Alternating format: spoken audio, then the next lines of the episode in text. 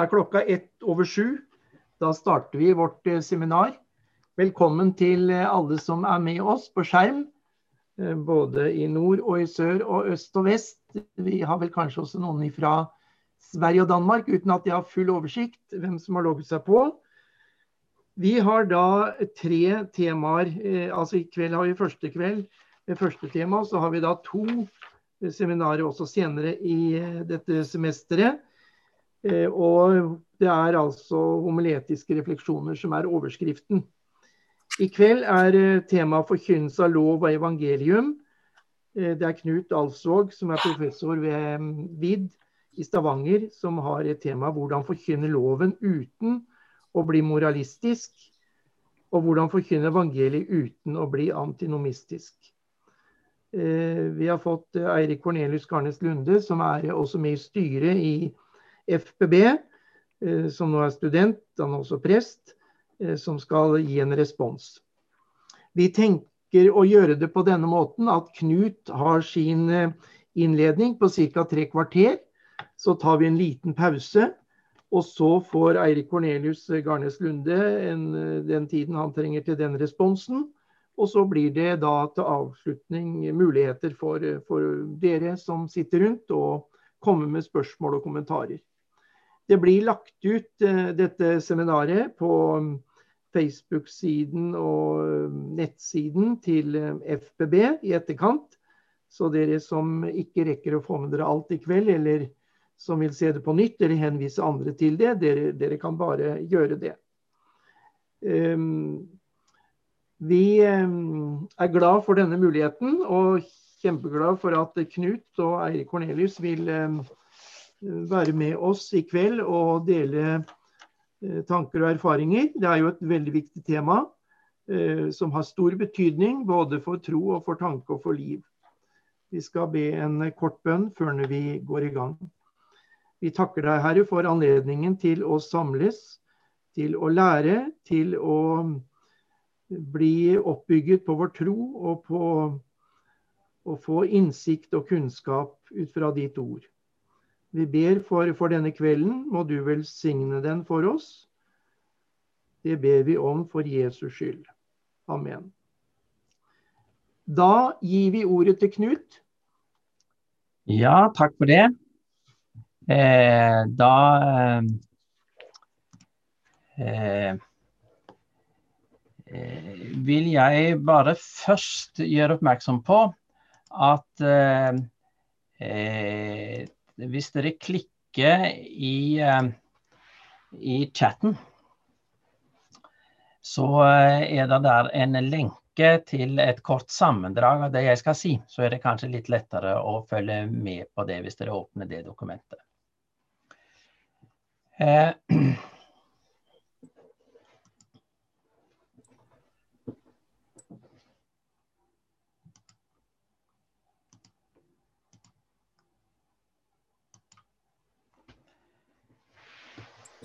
Jeg tror ikke du har lagt ut ennå. Det mangler i chatten. Det ligger i chatten, som, eh, så jeg, gjør det, ser dere ikke det. Da får jeg legge det ut en gang til.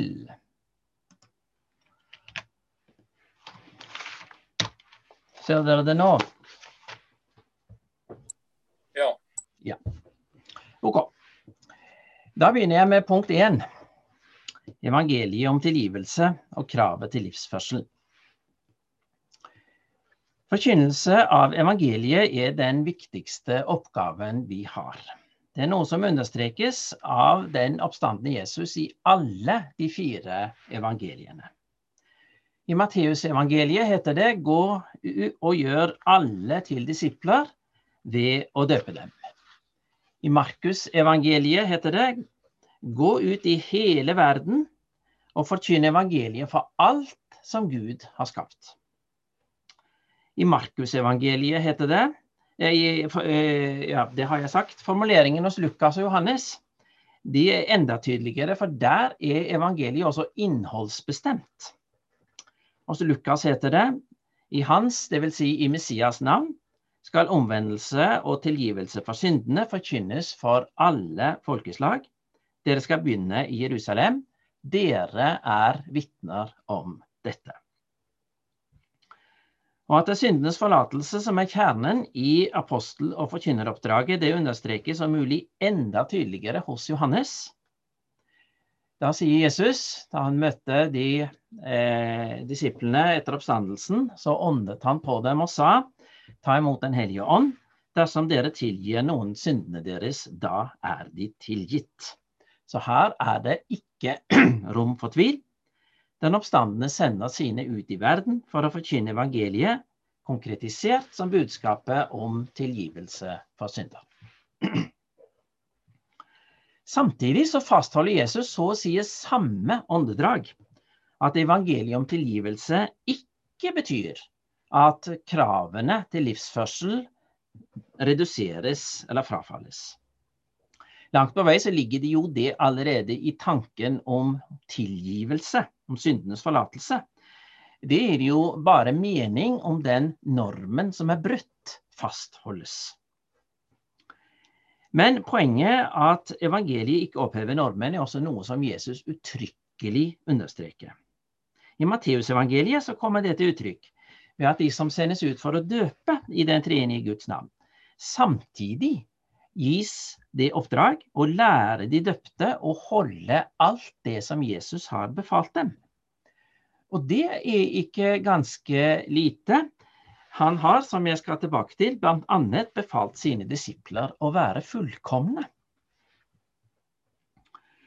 Og dette stemmer overens med det alle evangeliene understreker, nemlig at Jesus definitivt ikke opphevde de guddommelige krav til menneskers livsførsel, men i mange sammenhenger skjerpet dem. Og så gjorde det helt klart at straffen ville ramme dem som ikke tok dette på alvor.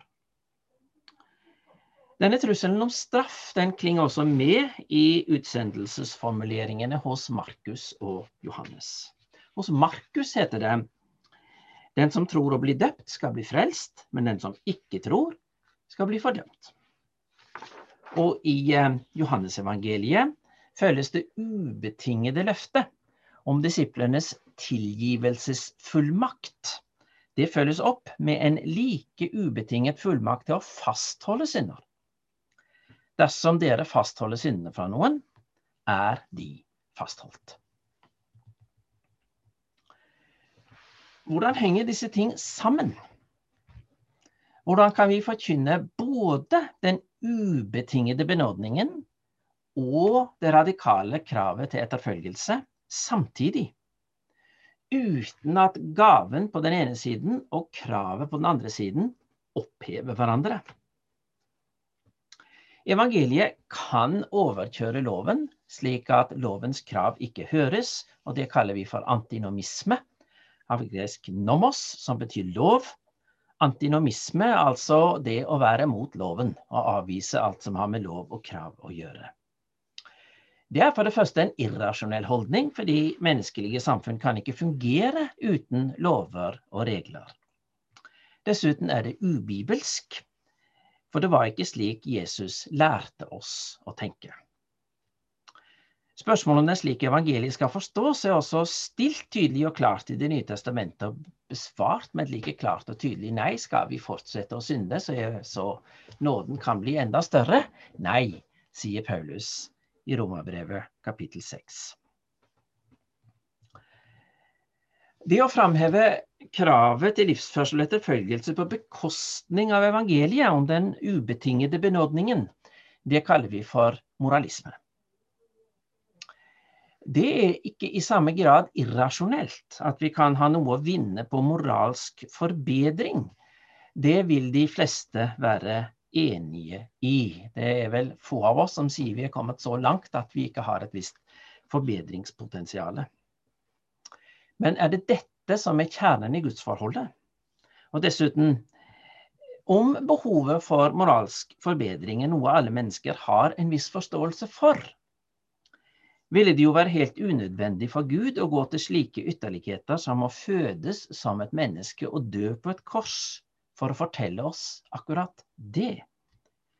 Da kunne det vel greid seg med en liten profetisk påminnelse.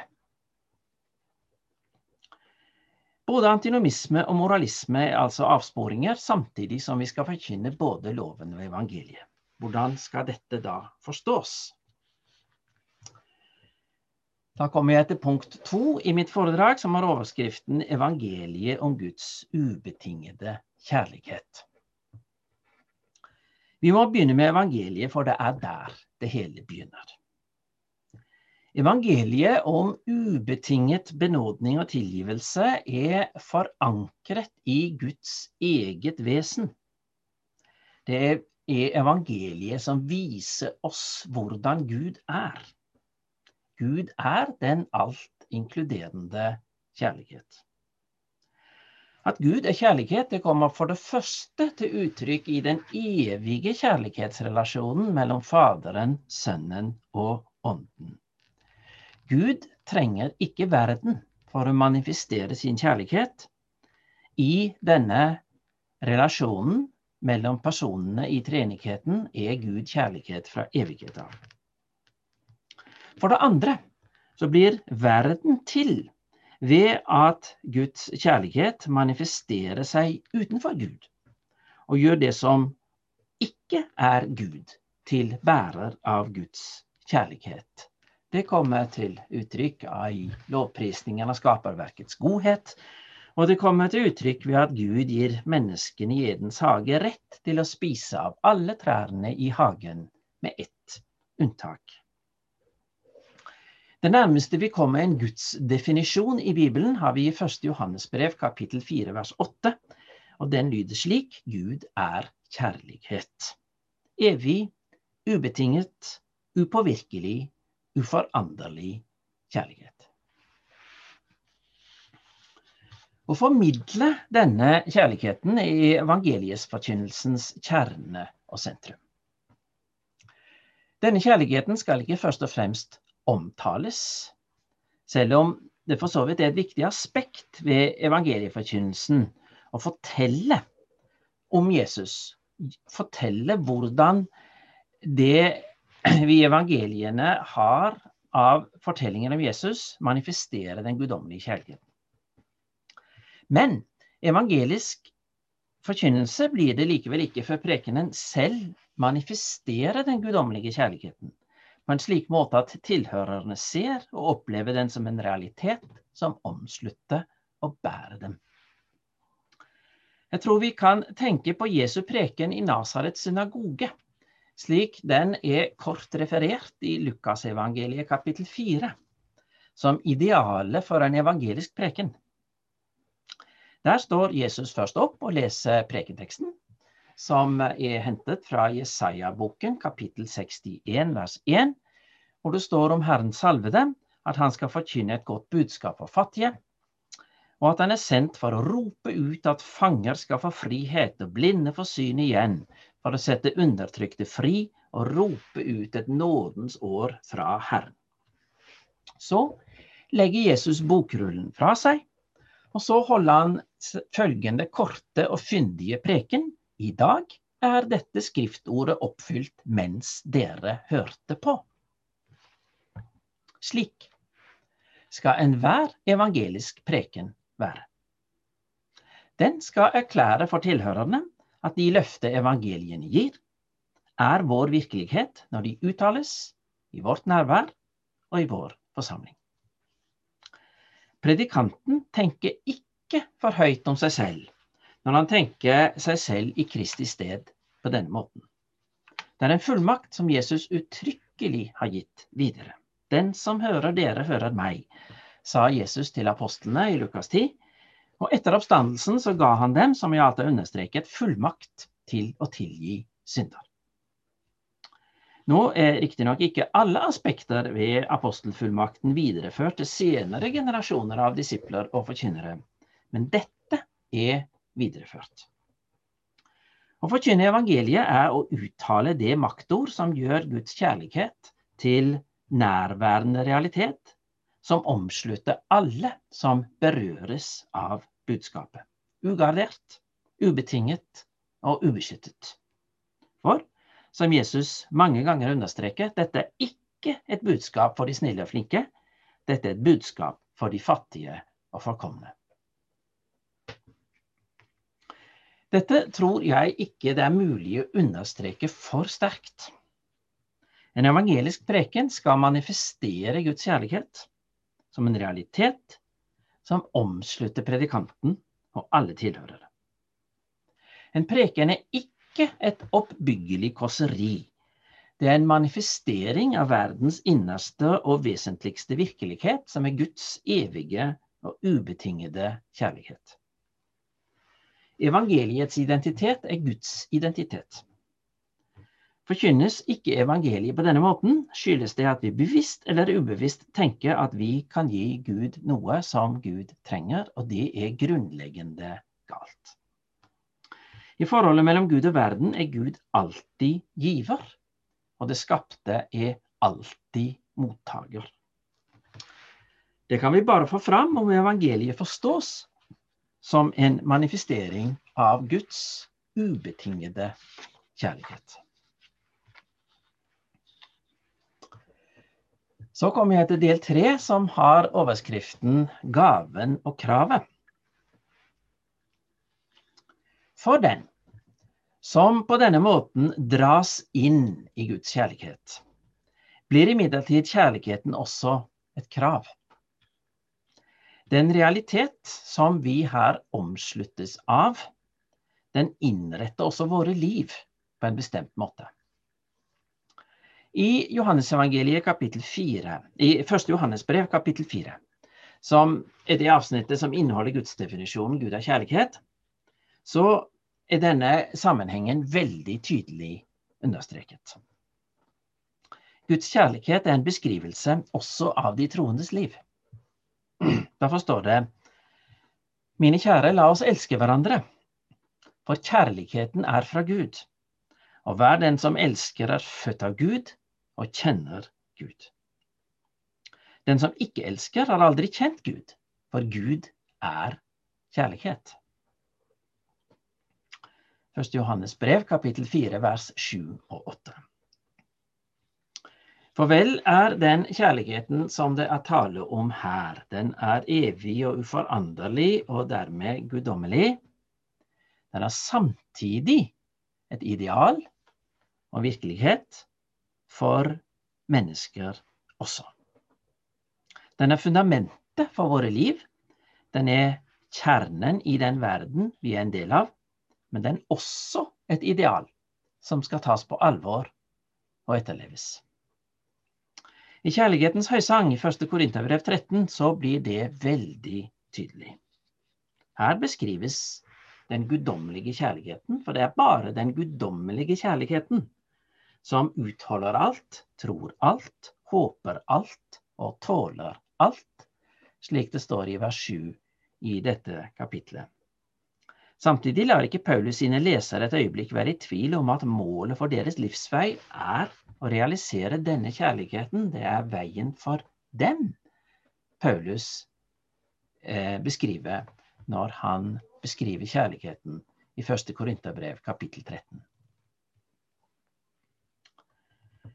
Denne sammenhengen mellom gaven og kravet, den går som en rød tråd gjennom Jesu forkynnelse. Det er noe Jesus aldri blir lei av å understreke. Han gjør det gang på gang.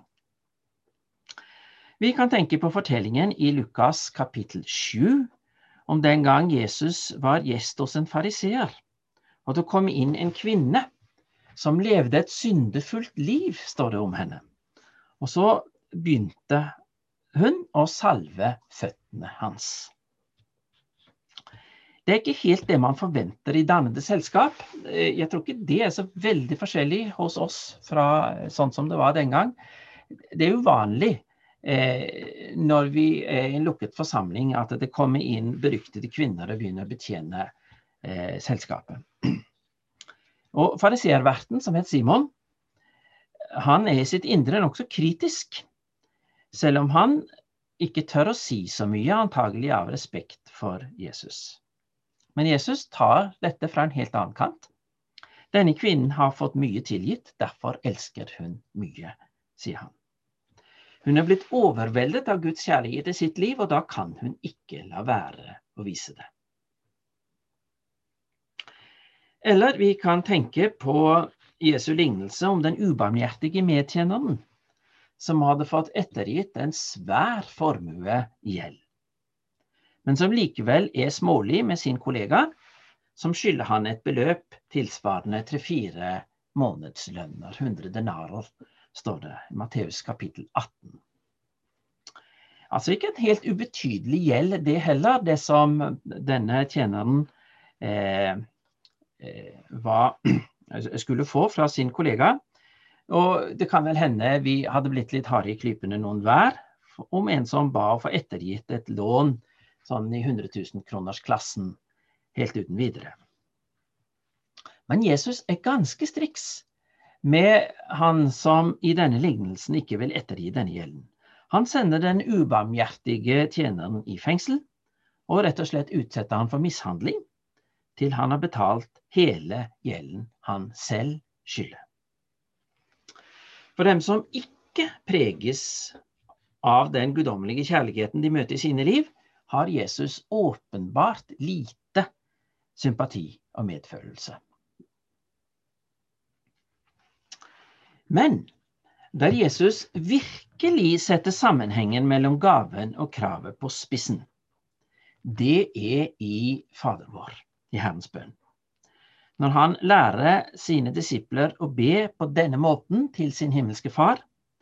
Tilgi oss vår skyld, slik også vi tilgir våre skyldnere.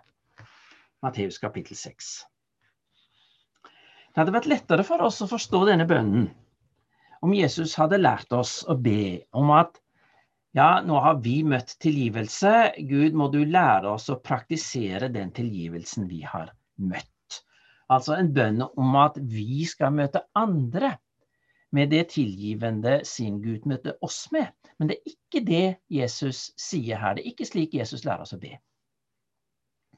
Han lærer oss å be om at vår måte å leve på skal være norm for det Gud gjør med oss. Han lærer oss ikke å be om at vi skal tilgi andre slik Gud tilgir oss. Han lærer oss tvert imot å be om at Gud skal tilgi oss, slik vi tilgir andre. Vi ber i denne bønnen om at Gud må være slik mot oss som vi er mot våre medmennesker. Det er en ganske dristig og krevende bønn, for den som ber slik, ber om Guds ubarmhjertighet over seg selv, om han eller hun ikke selv er barmhjertig mot sin neste. Så å be denne bønnen er et ganske dristig prosjekt. Jeg har ofte lurt på om vi her egentlig hører hva vi selv sier når vi ber dette. Denne bønnen er kjernen i Fader vår. Det får Jesus fram ved at det er den eneste av formuleringene i bønnen som han uttrykkelig kommenterer i den samme sammenhengen. Han sier for dersom dere tilgir menneskene de misgjerningene de har gjort, skal også deres himmelske Far tilgi dere. Dersom dere tilgir, blir dere tilgitt. Men dersom dere ikke tilgir menneskene, skal heller ikke deres far tilgi de misgjerningene dere har gjort. Han gjør altså selv uttrykkelig oppmerksom på den sammenhengen jeg her har poengtert. Gud behandler oss slik vi behandler våre medmennesker. Tilgir du, blir du selv tilgitt. Slik er det det går til i verden. Så enkelt og så vanskelig. Kravet og gaven hører altså sammen. Guds kjærlighet er smittsom. Den som omsluttes av den, vil selv elske. Slik denne kvinnen vi hørte om i fortellingen. Den som møter andre med tilgivende kjærlighet, vil selv bli møtt på den måten av Gud. Jesus setter dette på spissen ved å formulere det rett og slett som et fullkommenhetskrav. Vær da fullkomne, slik deres himmelske Far er fullkommen. Matteus kapittel 5 vers 48. Dette er en sammenheng som det ikke er så lett for oss å håndtere, for vi etterlever ikke Jesu fullkommenhetskrav. Vi aner kanskje hva han mener, men vi opplever ikke at det er vår virkelighet han beskriver. Årsaker og konsekvenser av menneskets syndighet det er i seg selv et stort problem som jeg ikke kan gå inn på nå. Men til vårt formål i denne sammenheng er det tilstrekkelig å konstatere at vi alle vet at det fullkommenhetskravet som Jesus stiller opp for oss, det etterlever vi ikke. Om sammenhengen mellom Guds kjærlighet og vår kjærlighet er så nær som Jesus hevder at den er, så blir dette et problem. Jeg begynte altså med å snakke om Guds ubetingede kjærlighet, som formidles som vår virkelighet gjennom forkynnelsen av evangeliet. Men nå har jeg visst havnet et helt annet sted. For om Guds kjærlighet ikke bare tilsies oss, men også krever å komme til uttrykk gjennom våre liv, hvor står vi egentlig da? Er selve den ubetingede benådningen forankret i Guds evige, uforanderlige kjærlighet, blitt et krav som vi ikke makter å etterleve. Når Jesus krever Guds egen fullkommenhet av oss, legger han ikke listen for høyt da?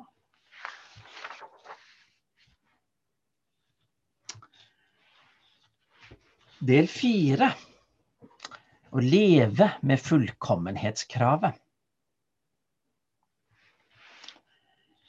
Dette fullkommenhetskravet det har imidlertid én umiddelbar gevinst som det er viktig å merke seg.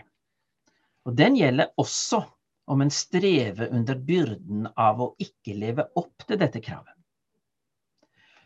Fullkommenhetskravet har nemlig det ved seg at det stiller alle mennesker likt.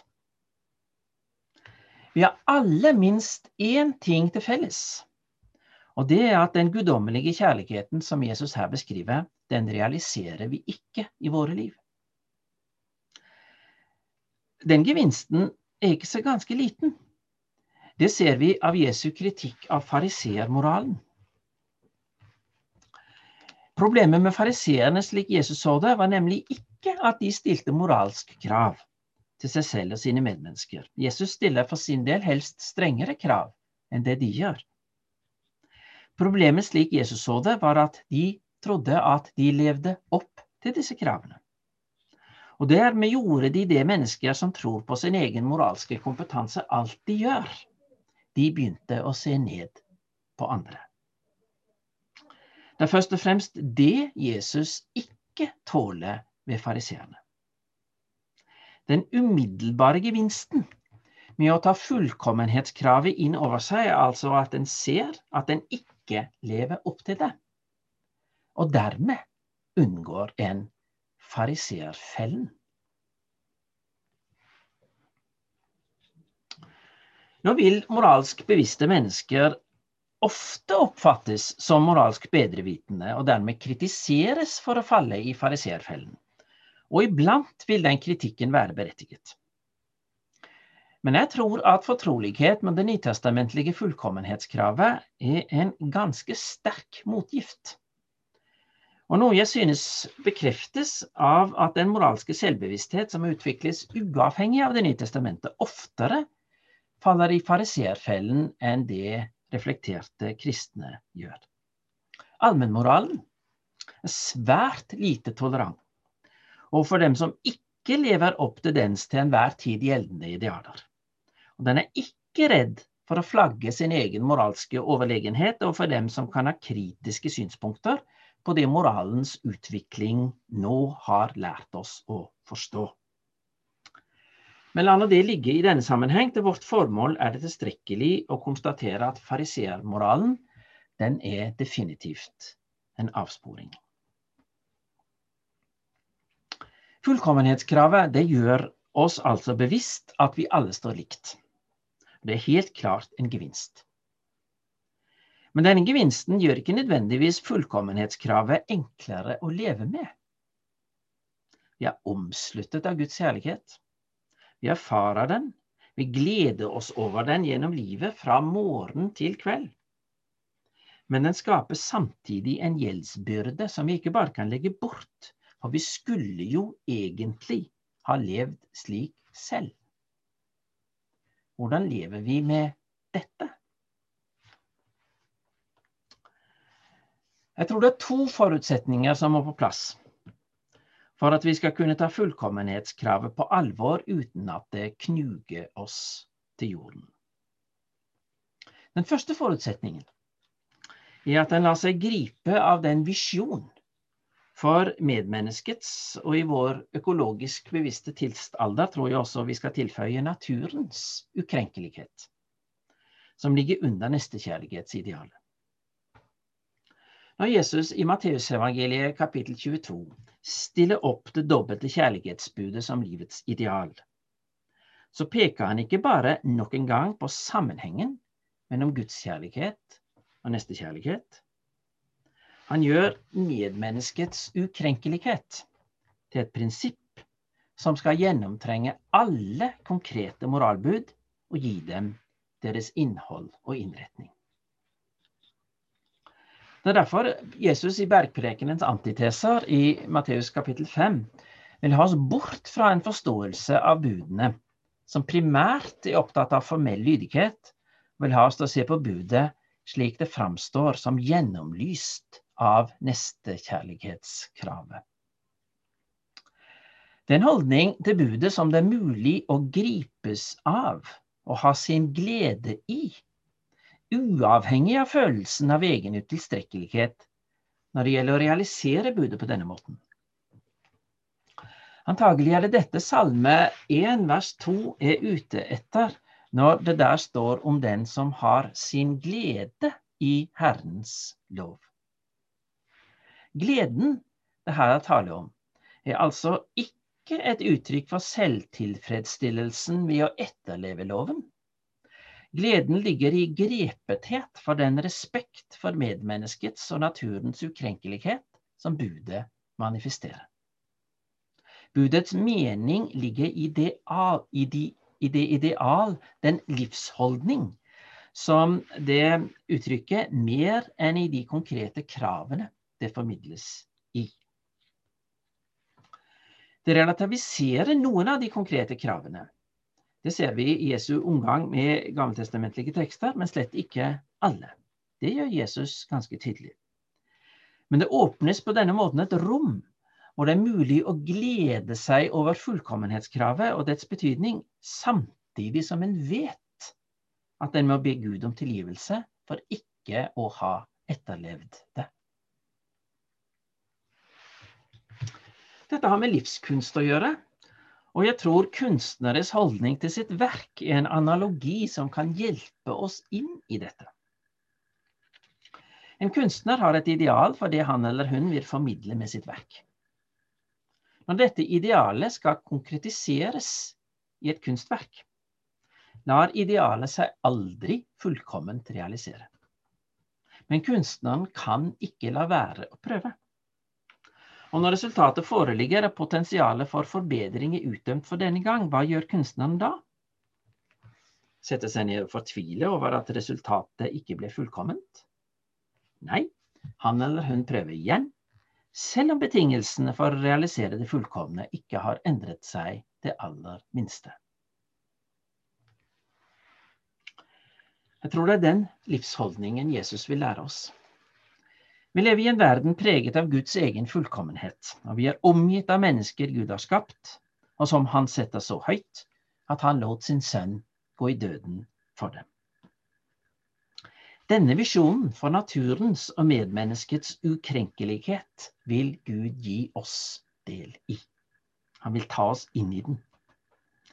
Når vi skal gjøre opp status ved dagens slutt, må vi nok konkludere at det idealet det ble nok ikke fullt ut realisert i mitt liv i dag heller. Men idealet står likevel så sterkt i min bevissthet at jeg prøver igjen i morgen likevel. Hvorfor hører synsbekjennelsen med til kristenlivets livsrytme? Er gudstjenestens synsbekjennelse på sin plass, også om jeg har kommet meg gjennom uken uten å ha skjelt ut mine nærmeste, uten å ha vært utro mot min ektefelle eller ha satt ut negative rykter om mine kolleger. Ja, den er det. For synsbekjennelsen fungerer på ulike nivåer. Vi skjønner lett at synsbekjennelsen er nødvendig når vi har gjort oss skyldig i åpenbare synder. Vi er nå vanligvis ikke bedre, vi mennesker, enn at vi gjør det. Noen også ofte, og noen kanskje litt sjeldnere. Men synsbekjennelsen er der også, som en påminnelse om at vår glede er forankret i Guds lov, ikke i vår egen oppfyllelse av den. Og at det er nødvendig å være seg bevisst den forskjellen for at fullkommenhetskravet skal beholde sitt grep om oss. Den første forutsetningen for at vi skal leve med fullkommenhetskravet på en god måte, det er altså at vi gripes av den bibelske visjonen for medmenneskets ukrenkelighet. Den andre, det er vissheten om at Guds uforanderlige kjærlighet er der uansett nettopp fordi den er uforanderlig. Lovens krav har sitt utspring i Guds kjærlighet. Den er essensen i Guds vesen, anvendt på livet i verden. Men dermed gjelder den med den største selvfølgelighet også Gud selv. Lovens krav og lovens forpliktelse gjelder også Gud. Fordi loven er forankret i Guds vesen, så etterlever Gud alltid loven. Gud er ikke forpliktet av loven som en fremmed norm, slik det i noen grad er for oss. Gud er selv lovens essens, og derfor er hans lovoppfyllelse noe som aldri problematiseres. Tvert imot, dette betraktes i Bibelen som så selvsagt at det knapt diskuteres. Dere skal være fullkomne, slik deres himmelske Far er fullkommen, sier Jesus. Siste del av setningen er fullkommenhetskravets selvsagte utgangspunkt. Den absolutte uforanderlige respekt for skaperverkets og medmenneskets integritet springer ut av kjernen i Guds vesen. Og evangeliet forsikrer oss om at slik er Gud også mot hver enkelt av oss. Den umiddelbare konsekvens av dette er at det befrir oss fra å skulle gjøre gode gjerninger for vår egen del. Gud trenger ikke våre gode gjerninger for å se i nåde til oss. Hans nåde til oss er det sikreste som fins, for den er forankret i Guds evige identitet. Ingenting kan rokke ved den. Selvsagt kan vi vise Gud vår takk gjennom lovprisning og takkebønn, noe vi også gjør når vi feirer gudstjeneste. Men den som trenger vår kjærlighet og vår tjeneste, det er vår neste. Derfor vises vi alltid dit.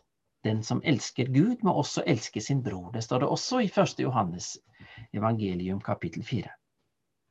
Vi kan aldri gi Gud noe han ikke har, men våre medmennesker kan ha god nytte av våre tjenester. Derfor er det mot dem vi skal rette vår tjeneste. Jesu framstilling av den evige dom i Matteus evangeliet kapittel 25 tydeliggjør dette for oss.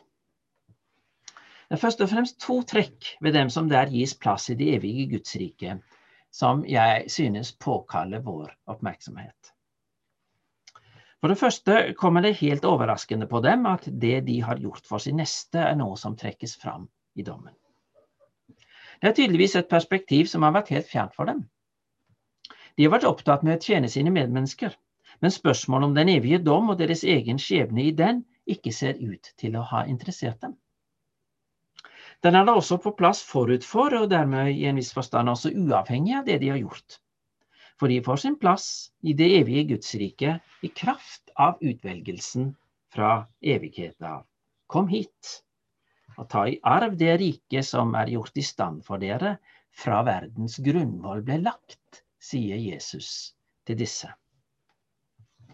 Guds kjærlighet til og utvelgelse av dem står fast.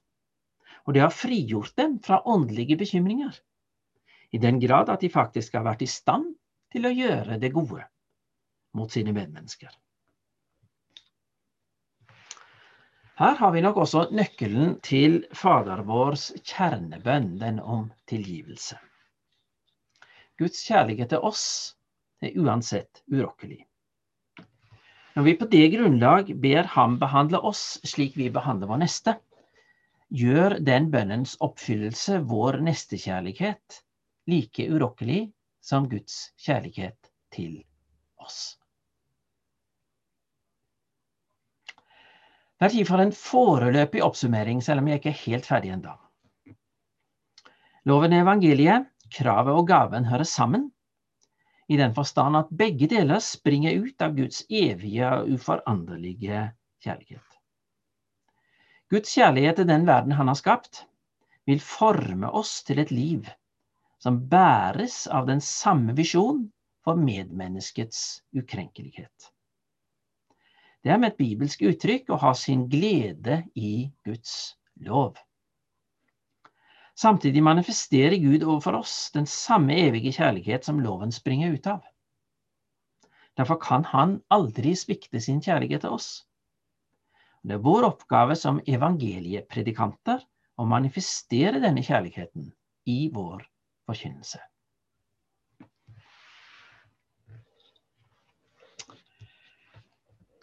Femte del, når fullkommenhetskravet blir borte, om moralismens og antinomismens gudsbilde. Å leve med et fullkommenhetskrav som en reell utfordring og å gjøre det med glede, det er ikke en enkel oppgave. Det er bare mulig om livet er båret av den guddommelige kjærligheten. Der denne kjærligheten, den guddommelige kjærligheten, ikke oppfattes som reell, der kan en bare verge seg mot å segne under byrden på én måte, og det er ved å slå av på kravet. I stedet for det fullkommenhetskravet som Jesus setter all sin energi inn på både å formidle og å realisere, så får vi da en holdning til livet hvor kravet til fullkommenhet er redusert til det som anses som praktiserbart, til det som er mulig å gjøre. Det vi kan kalle for Jesu umulighetsetikk, dere skal være fullkomne, omgjøres da til en forpliktelse til å realisere det som anses etisk mulig. Av umulighetsetikken blir det en mulighetsetikk. Dette omslaget er betinget av en dyptgående endring i gudsbildet. Essensen i Guds vesen oppfattes da ikke som evig og uforanderlig kjærlighet. I stedet får vi et gudsbilde hvor Gud bestemmes ut fra menneskets vurdering av det som anses som rimelig. Dette gudsbildet kan fremdeles godt ha sterke innslag av kjærlighet og tilgivelse herav antinomismens gud, som har som jobb å tilgi mennesker fordi det er det som er stillingsbeskrivelsen hans, eventuelt hennes. Men fullkommenhetsidealet som styrende både for gudsforståelse og livsførsel er borte. Jeg tror at antinomisme og moralisme på denne måten henger ganske nært sammen. Begge følger av denne endringen i gudsbildet i stedet for å tenke guddommelig om mennesket. Slik fullkommenhetsetikken gjør, tenker man menneskelig om Gud. Og tilpasse gudsforståelsen en menneskelig tankemåte om hva som anses som rimelig. Da er det forventa at Gud tilgir mennesker. Ofte gjør vi så godt vi kan, og gjør vi ikke det, kan sikkert de også forklares på en måte som gjør at vi bør anses på mildeste måte. Herav altså antinomismens gudsbilde, som absolutt kan tenke seg at Gud tilgir, men som ikke har rom for dybden og paradoksaliteten i den evige, helt ubetingede kjærligheten, som går utover alle rimelighetskrav. Moralismen har imidlertid nøyaktig samme utspring. Den kan aldri ta radikaliteten i bergprekenen eller Jesu ekteskapsetikk på alvor men må alltid modulere den ned til et nivå hvor den blir praktiserbar. Det som blir igjen da, er ikke evig uforanderlig kjærlighet, men en kjærlighet som i det minste prøver å ta de løftene avlagt på alvor, og som i hvert fall, om det ikke er helt spesielle forhold som taler for noe annet, venter med å inngå et nytt forhold til det første avsluttet. Det er evig, uforanderlig og alltid forpliktende kjærlighet, omgjort til snusfornuft, med en liten persilledusk av godvilje på. Og så gjøres det gjeldende for forståelsen både av Gud og mennesker.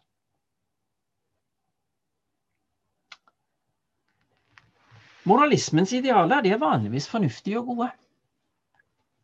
Det gjelder begge de to store moralistene i Det nye testamentet. Den hjemmeværende sønnen i lignelsen om den fortapte sønn, og fariseeren i lignelsen om fariseeren og tolleren i tempelet. De levde regelmessige, stabile liv, og var sikkert trygge og gode mennesker å omgås. Men radikaliteten i Guds kjærlighet var helt ukjent for dem. Derfor ble den hjemmeværende sønnen provosert av faren som festet for sønnen som hadde sløst vekk arven på horer og andre overfladiske fornøyelser. Og fariseeren som forarget, var forarget over tolleren som svindlet og ikke engang ga tiende. Og hvem vet om han ikke var utro mot kona også? Selvfølgelig har de rett. Vi forarges over slike mennesker, vi også. Og så så de ikke verken den hjemmeværende sønnen eller fariseeren, at de dermed satte grenser for den kjærligheten som ingen grenser har, fordi den er evig uforanderlig og utholder alt, tror alt, håper alt og tåler alt. Jeg har vært på ganske mange gudstjenester i mitt liv hvor det er den hjemmeværende sønnen eller fariseeren i tempelet som står på prekestolen. Jeg har hørt mange taler der hovedinnholdet er oppfordringen til å gjøre det som er godt og rett. Det er ikke noe galt med slike taler. Vi trenger dem, for vi har alle en tilbøyelighet til moralsk latskap. Derfor er det fint med noen moralske oppfordringer iblant. Vi kan godt leve slik fariseeren sier i lignelsen. Bedrageri, lureri og baktalelse er ikke bra, og iblant må det sies, også i kirken. Men i hvert fall noen av disse predikantene som jeg har hørt snakke om dette, de har svevet i den villfarelse at de har trodd at det de på denne måten har vært forkynt, det de på denne måten har forkynt, har vært evangeliet. Og det er det ikke. Evangeliet er kravløst, det er en ubetinget gave. Jeg har av og til inntrykk av at predikanter ikke helt tør å forkynne det. De engster seg for at Guds nåde på denne måten skulle bli forkynt for mennesker som ikke har rett på den. Men det er en helt misforstått engstelse. Budskapet om Guds nåde blir alltid forkynt for mennesker som ikke har rett på den. Ellers var det jo ikke nåde. Den som ikke tør å forkynne Guds ubetingede og uendelige kjærlighet til syndere, har ikke noe på prekestolen i en kristen kirke å gjøre, for der er det dette som skal forkynnes. Og De som vil lese litt mer om det, kan slå opp i dagens Vårt Land, der min gode professorkollega på TF, Marius Mjåland, sier nøyaktig det samme som det jeg nå har sagt. Predikanter må tørre å forkynne evangeliet. Budskapet om de gode gjerningers nødvendighet kom i mange kanaler og på mange måter. Vi trenger ikke gå i kirken for å høre det. Det vi trenger å høre der, er lov og evangelium. Bibelsk forstått. Det vil si en forkynnelse av loven som ikke er begrenset til det vi synes vi kan få til, men er forankret i Guds egen uendelighet av omsorg for alt som er skapt, først og fremst for våre medmennesker. Om en forkynnelse ved evangeliet som tør å følge Jesus, også når han leser opp en av de mest løfterike tekstene i Bibelen, og proklamerer uten forbehold. I dag er dette skriftordet blitt oppfylt mens dere hørte på.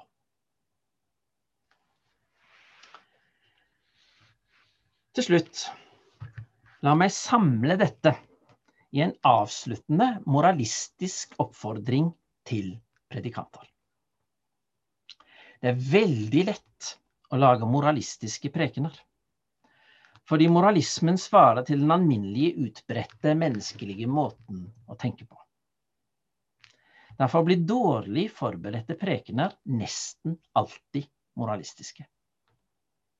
Å forkynne evangeliets paradoksalitet og bære fram den ubetingede, ubeskyttede kjærlighetens budskap til feilende og sviktende mennesker, det har for oss noe naturstridig ved seg. Og derfor krever det både åndelig og intellektuell årvåkenhet. Det kan i denne sammenheng materialiseres til et krav om godt forberedte og vel gjennomtenkte evangeliske prekener. Min erfaring er at det bare er slike prekener som makter å leve opp til prekenidealet fra Jesu forkynnelse i Nasarets synagoge. Lykke til med å forkynne budskapet om Guds ubetingede, evige kjærlighet. Takk for oppmerksomheten så langt. Hjertelig takk, Knut, for en eh, flott eh, ja, ikke bare innledning, men et foredrag. Eh, og mm, vi skal da få anledning til å samtale noe om dette. Vi skal først ta en liten pause, og så vil da mm, Eirik Cornelius Garnes Lunde gi en respons. Og så blir det da muligheter. Vi kommer ikke til å ta opp eh, samtalen eh, på video, så dere kan tale fritt uten å være redd for å, å, å bli gjengitt eh, seinere. Eh, jeg tror vi må ha Ja, nå er klokka åtte på. Skal vi si at vi starter igjen Jeg tror vi kan starte klokka åtte, ja, presis. Tar vi en liten pause nå fram til klokka åtte, og så går vi i gang igjen da. Da er klokka åtte. Eh, og vi går videre. og Da er det Eirik Cornelius Garnes Lunde som skal gi en respons på foredraget. Eh, Eirik Cornelius, du får bare ta ordet. Du sitter vel på skjerm i Oslo, vil jeg tro? Hjemme? Det stemmer. Ja. ja. Det, uh, ja um, takk for foredraget, Knut. Um, jeg syns det var veldig berikende å høre på det du hadde å si. Uh, og det er spennende å kunne komme inn på et sånt tema som jo er uh, kjernen i vår tro, og som er viktig for å kunne forkynne Guds ord. Eh, takk for innføringen i lov og evangelium, hvordan det er, forholder seg hver for seg, og hvordan det knyttes til hverandre i forkynnelsen. og jeg synes også Du ga mange interessante perspektiv på hvordan forkynnelsen altså er knyttet til Guds vesen helt eksplisitt. Det syns jeg er interessant, og det håper jeg vi kan komme tilbake til. Um, og videre syns jeg også det var Du ga noen nyttige refleksjoner om hvordan vi kan leve med fullkommenhetskravet, også helt konkret. Eh, uten å gå til grunne under erkjennelsen av det.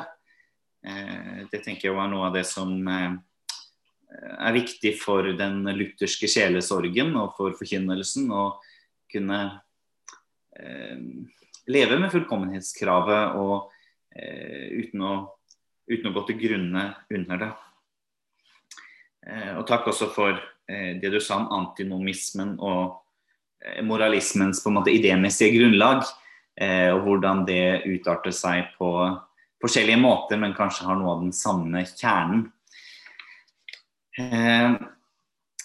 Men så er jeg litt spent på i fortsettelsen, og det håper jeg vi skal få god tid til å komme inn på under spørsmålene, hvordan på en måte disse grunnleggende tankene hvordan det skal utmyntes i eh, homiletisk praksis. Eh, for der er det vel sånn at alle vi som i hvert fall er prester, vi eh, lever i denne kampen med å få eh, dette til eh, og makte å forberede prekenene våre så godt som eh, vi kan, og sånn at evangeliet og loven kan skjelnes på rett vis, og vi kan eh, bringe budskapet til folket slik som Jesus gjorde det.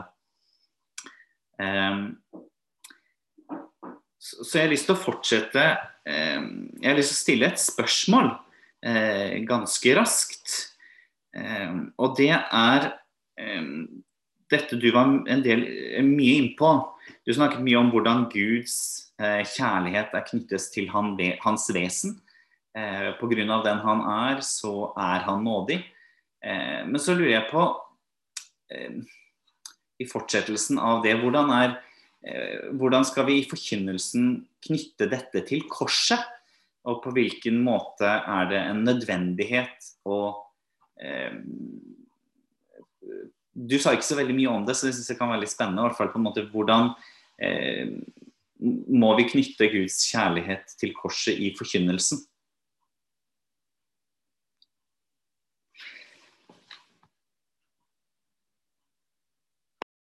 Må vi ta på mikrofonen. Det, det, enkle svaret på det spørsmålet er, er jo selvsagt ja.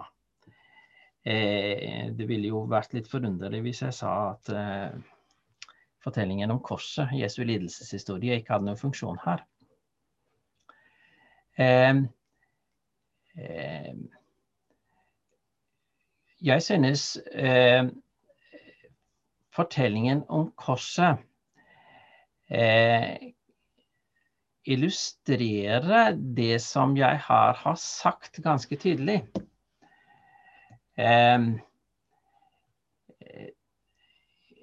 forutsetningen for, for, Jesu lidelseshistorie er jo at Jesus solidariserer seg med syndere.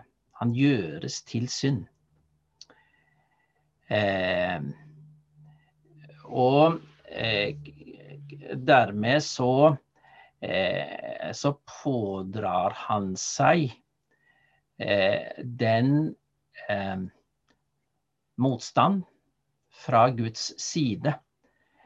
Eh, den ubarmhjertighet fra Guds side som hviler over den som ikke selv er barmhjertig. Eh, slik sett så er, eh, så er Jesu vei til korset.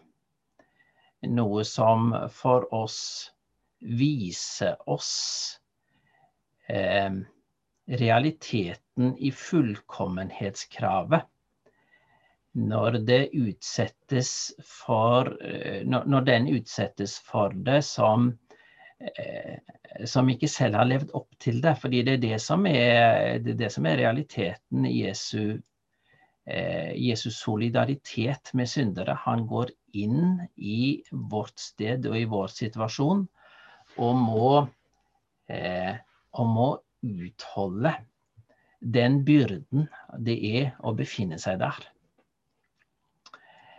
Eh, samtidig så gjennomlever han det.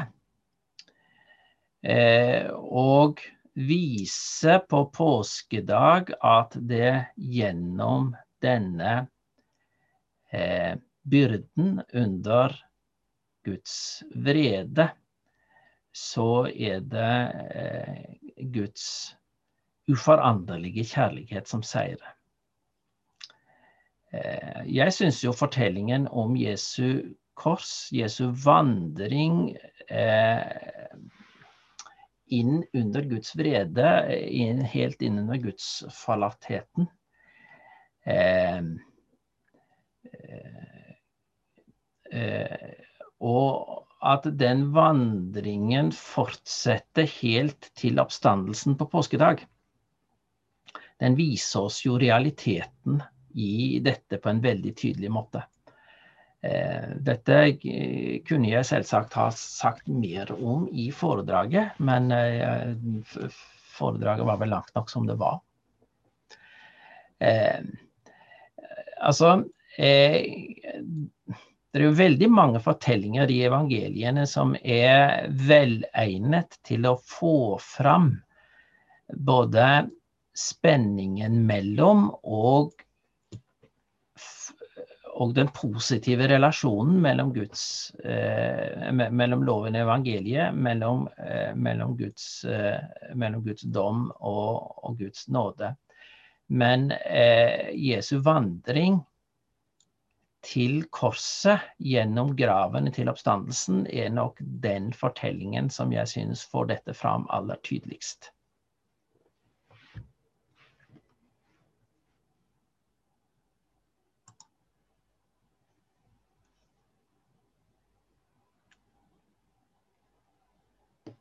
Jeg vet ikke om du har noe oppfølgingsspørsmål til det, eller? Eh, jo, jeg, det var for så vidt Jeg syns du, du, svarer godt på det, men det er særlig på en måte Jeg tenker egentlig eh, For du sa vel Jeg vet ikke om du nesten nevnte korset, kanskje du gjorde det én gang i løpet av foredraget, men jeg syns i hvert fall eh, på en måte i hvilken grad eh, Når du ikke nevnte det her i forbindelse med Guds kjærlighet, så tenkte jeg litt på en måte på korsets nødvendighet eh, for å forkynne for å forkynne Guds eh, kjærlighet. Og ja. Men jeg syns du, ja, du, svarte greit på det. Um, men hvis jeg kan få stille et spørsmål til Bojo? Du har ordet, du nå. Flott. Eh, for da lurer jeg, eh, Knut, på om du kunne si noe om på en måte de Du sa at eh, for å kunne forkynne evangeliet klart og rent, så tenker du at det er en nødvendighet med eh, for godt forberedte og vel gjennomtenkte eh, prekener. Bare slik kan vi eh, opprettholde det, som, det, budskapet vi skal forkynne. Eh, men så er det jo mange som kanskje strever med å gjennomføre dette i praksis. Eh, og gjennom prekenforberedelse og det arbeidet man gjør før man forkynner. Og eh, komme seg helt dit. Eh, har du noen tanker om hvordan dette kan Eh, innarbeides på en måte i forberedelsen? Er det noen særlige ting man må huske på? Eh, og kanskje noen spørsmål å stille seg for å være sikker på at man nå forkynner evangeliet klart og rent, og at man ikke eh, slår av på det. Pga. at det er så eh, urimelig i sin natur. Eh, jeg tror eh, en kan stille seg selv eh, noen kontrollspørsmål. Som har å gjøre med den måten et, det jeg, jeg omtalte som et ubeskyttet evangelium om Guds nåde, den, den måten det formidles på. Fordi det kan bare formidles som tilsagn. Det kan bare formidles som påstand. Eh, derfor så skal en stille seg selv et spørsmål om eh, til, til, sin egen preken. Eh, for, eh, for spørsmål og oppfordringer kan det hende de får for stor plass i prekenen. Jeg sier ikke at spørsmål og oppfordringer eh, lever vi rett. Oppfordringen til å gjøre det gode, oppfordringen til omvendelse. Det, altså, det, finnes mange, det, finnes mange, gode oppfordringer som hører hjemme i en kristelig preken. Men eh, det som jeg har kalt for et ubeskyttet evangelium om Guds nåde, det formuleres i indikativ. Det er et det er et tilsagn. Eh, og det er et spørsmål en kan stille seg selv til sine prekener. Eh, eh, forkynner jeg nå evangeliet slik Jesus forkynte i Nasarets synagoge? Sier jeg nå til mine tilhørere at i dag er dette Guds løfte blitt oppfylt for dere mens dere hørte det? Det er et spørsmål en kan stille seg selv. Og, eh, og, det er viktig å ta seg tid til å stille det spørsmålet. Eh, og, og, ikke bare liksom la, la prekenforberedelsen flyte, flyte, med strømmen. For det er det jeg av og til har inntrykk av når jeg hører prekener som jeg, jeg syns virker eh, moralistisk lettvinte. Eh, det, det er eh, da blir ikke evangeliet tydelig.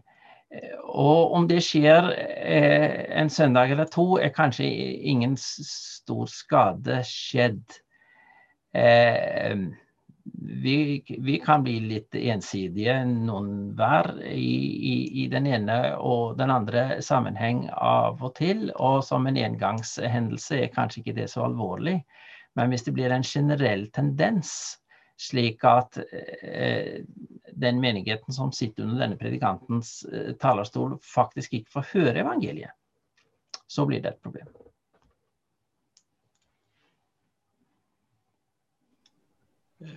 Eirik Cornelius, har du flere kommentarer eller spørsmål? Ja, eh, jeg satt akkurat for noen, det var for noen dager siden, Knut, så så jeg vel på Jeg tror jeg så på VID, og da så jeg at du har jobbet særlig med moderniteten. Og det har jeg hørt eh, tidligere også at du har eh, snakket mye om. Så et av noe jeg hadde lyst til å stille spørsmål om i denne sammenhengen, eh, det er om For du har snakket en del om på en måte hvordan, hvilke utfordringer eh, forkynnelsen av lov og evangelium vil møte eh, i form av antinomisme og moralisme. Eh, og det er på en måte noen evige utfordringer som alltid er der for det falne mennesket. Og som eh, vi ser at også var på reformasjonstiden. Eh, men så lurer jeg på, er det noen på en måte I moderniteten er det noen særlige utfordringer som vi møter, og som vi må være klar over. Og særlig kanskje vi som skal være forkynnere i tiårene som kommer. Når på en måte den, når den eh, kristne kulturen har forvitret helt, og moderniteten kanskje eh, i større grad slår inn i menigheten også. Er det noen eh, Har du noen eh, ting å si om det? Ja, altså, det, det, er et stort tema.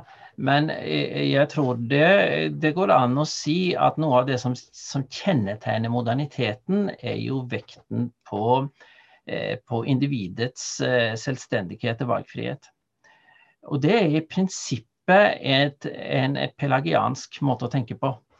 Eh, som, som, sier at, eh, at mennesket skaper sine egne verdier eh, og er selv ansvarlig for, for, sitt liv og sine valg. Eh, det er en grunnleggende moralistisk måte å tenke på. Altså, moderniteten er, er, i sitt, er, i sin identitet moralistisk.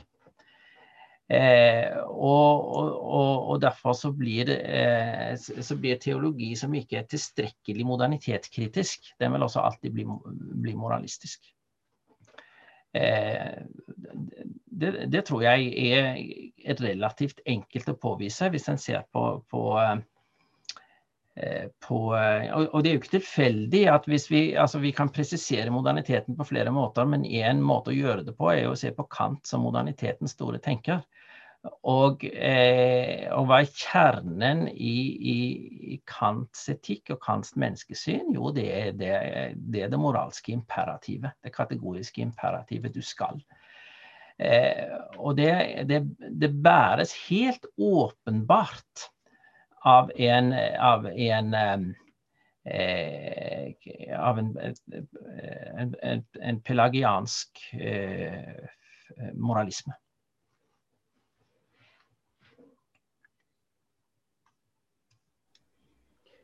Eh, Eirik Cornelis, eh, er det flere ting du har, så er det fortsatt anledning for deg. jeg tror jeg får stilt de spørsmålene ja. jeg har lyst til, så dere kan jo kan gi muligheten til andre i stedet. Ja, nei, men, men, eh, men, Da stopper jeg opptaket, slik at de som nå vet at de nå tar ordet, så, så, blir ikke det, så blir ikke det lagt ut på internett etterpå. Nei, riktig.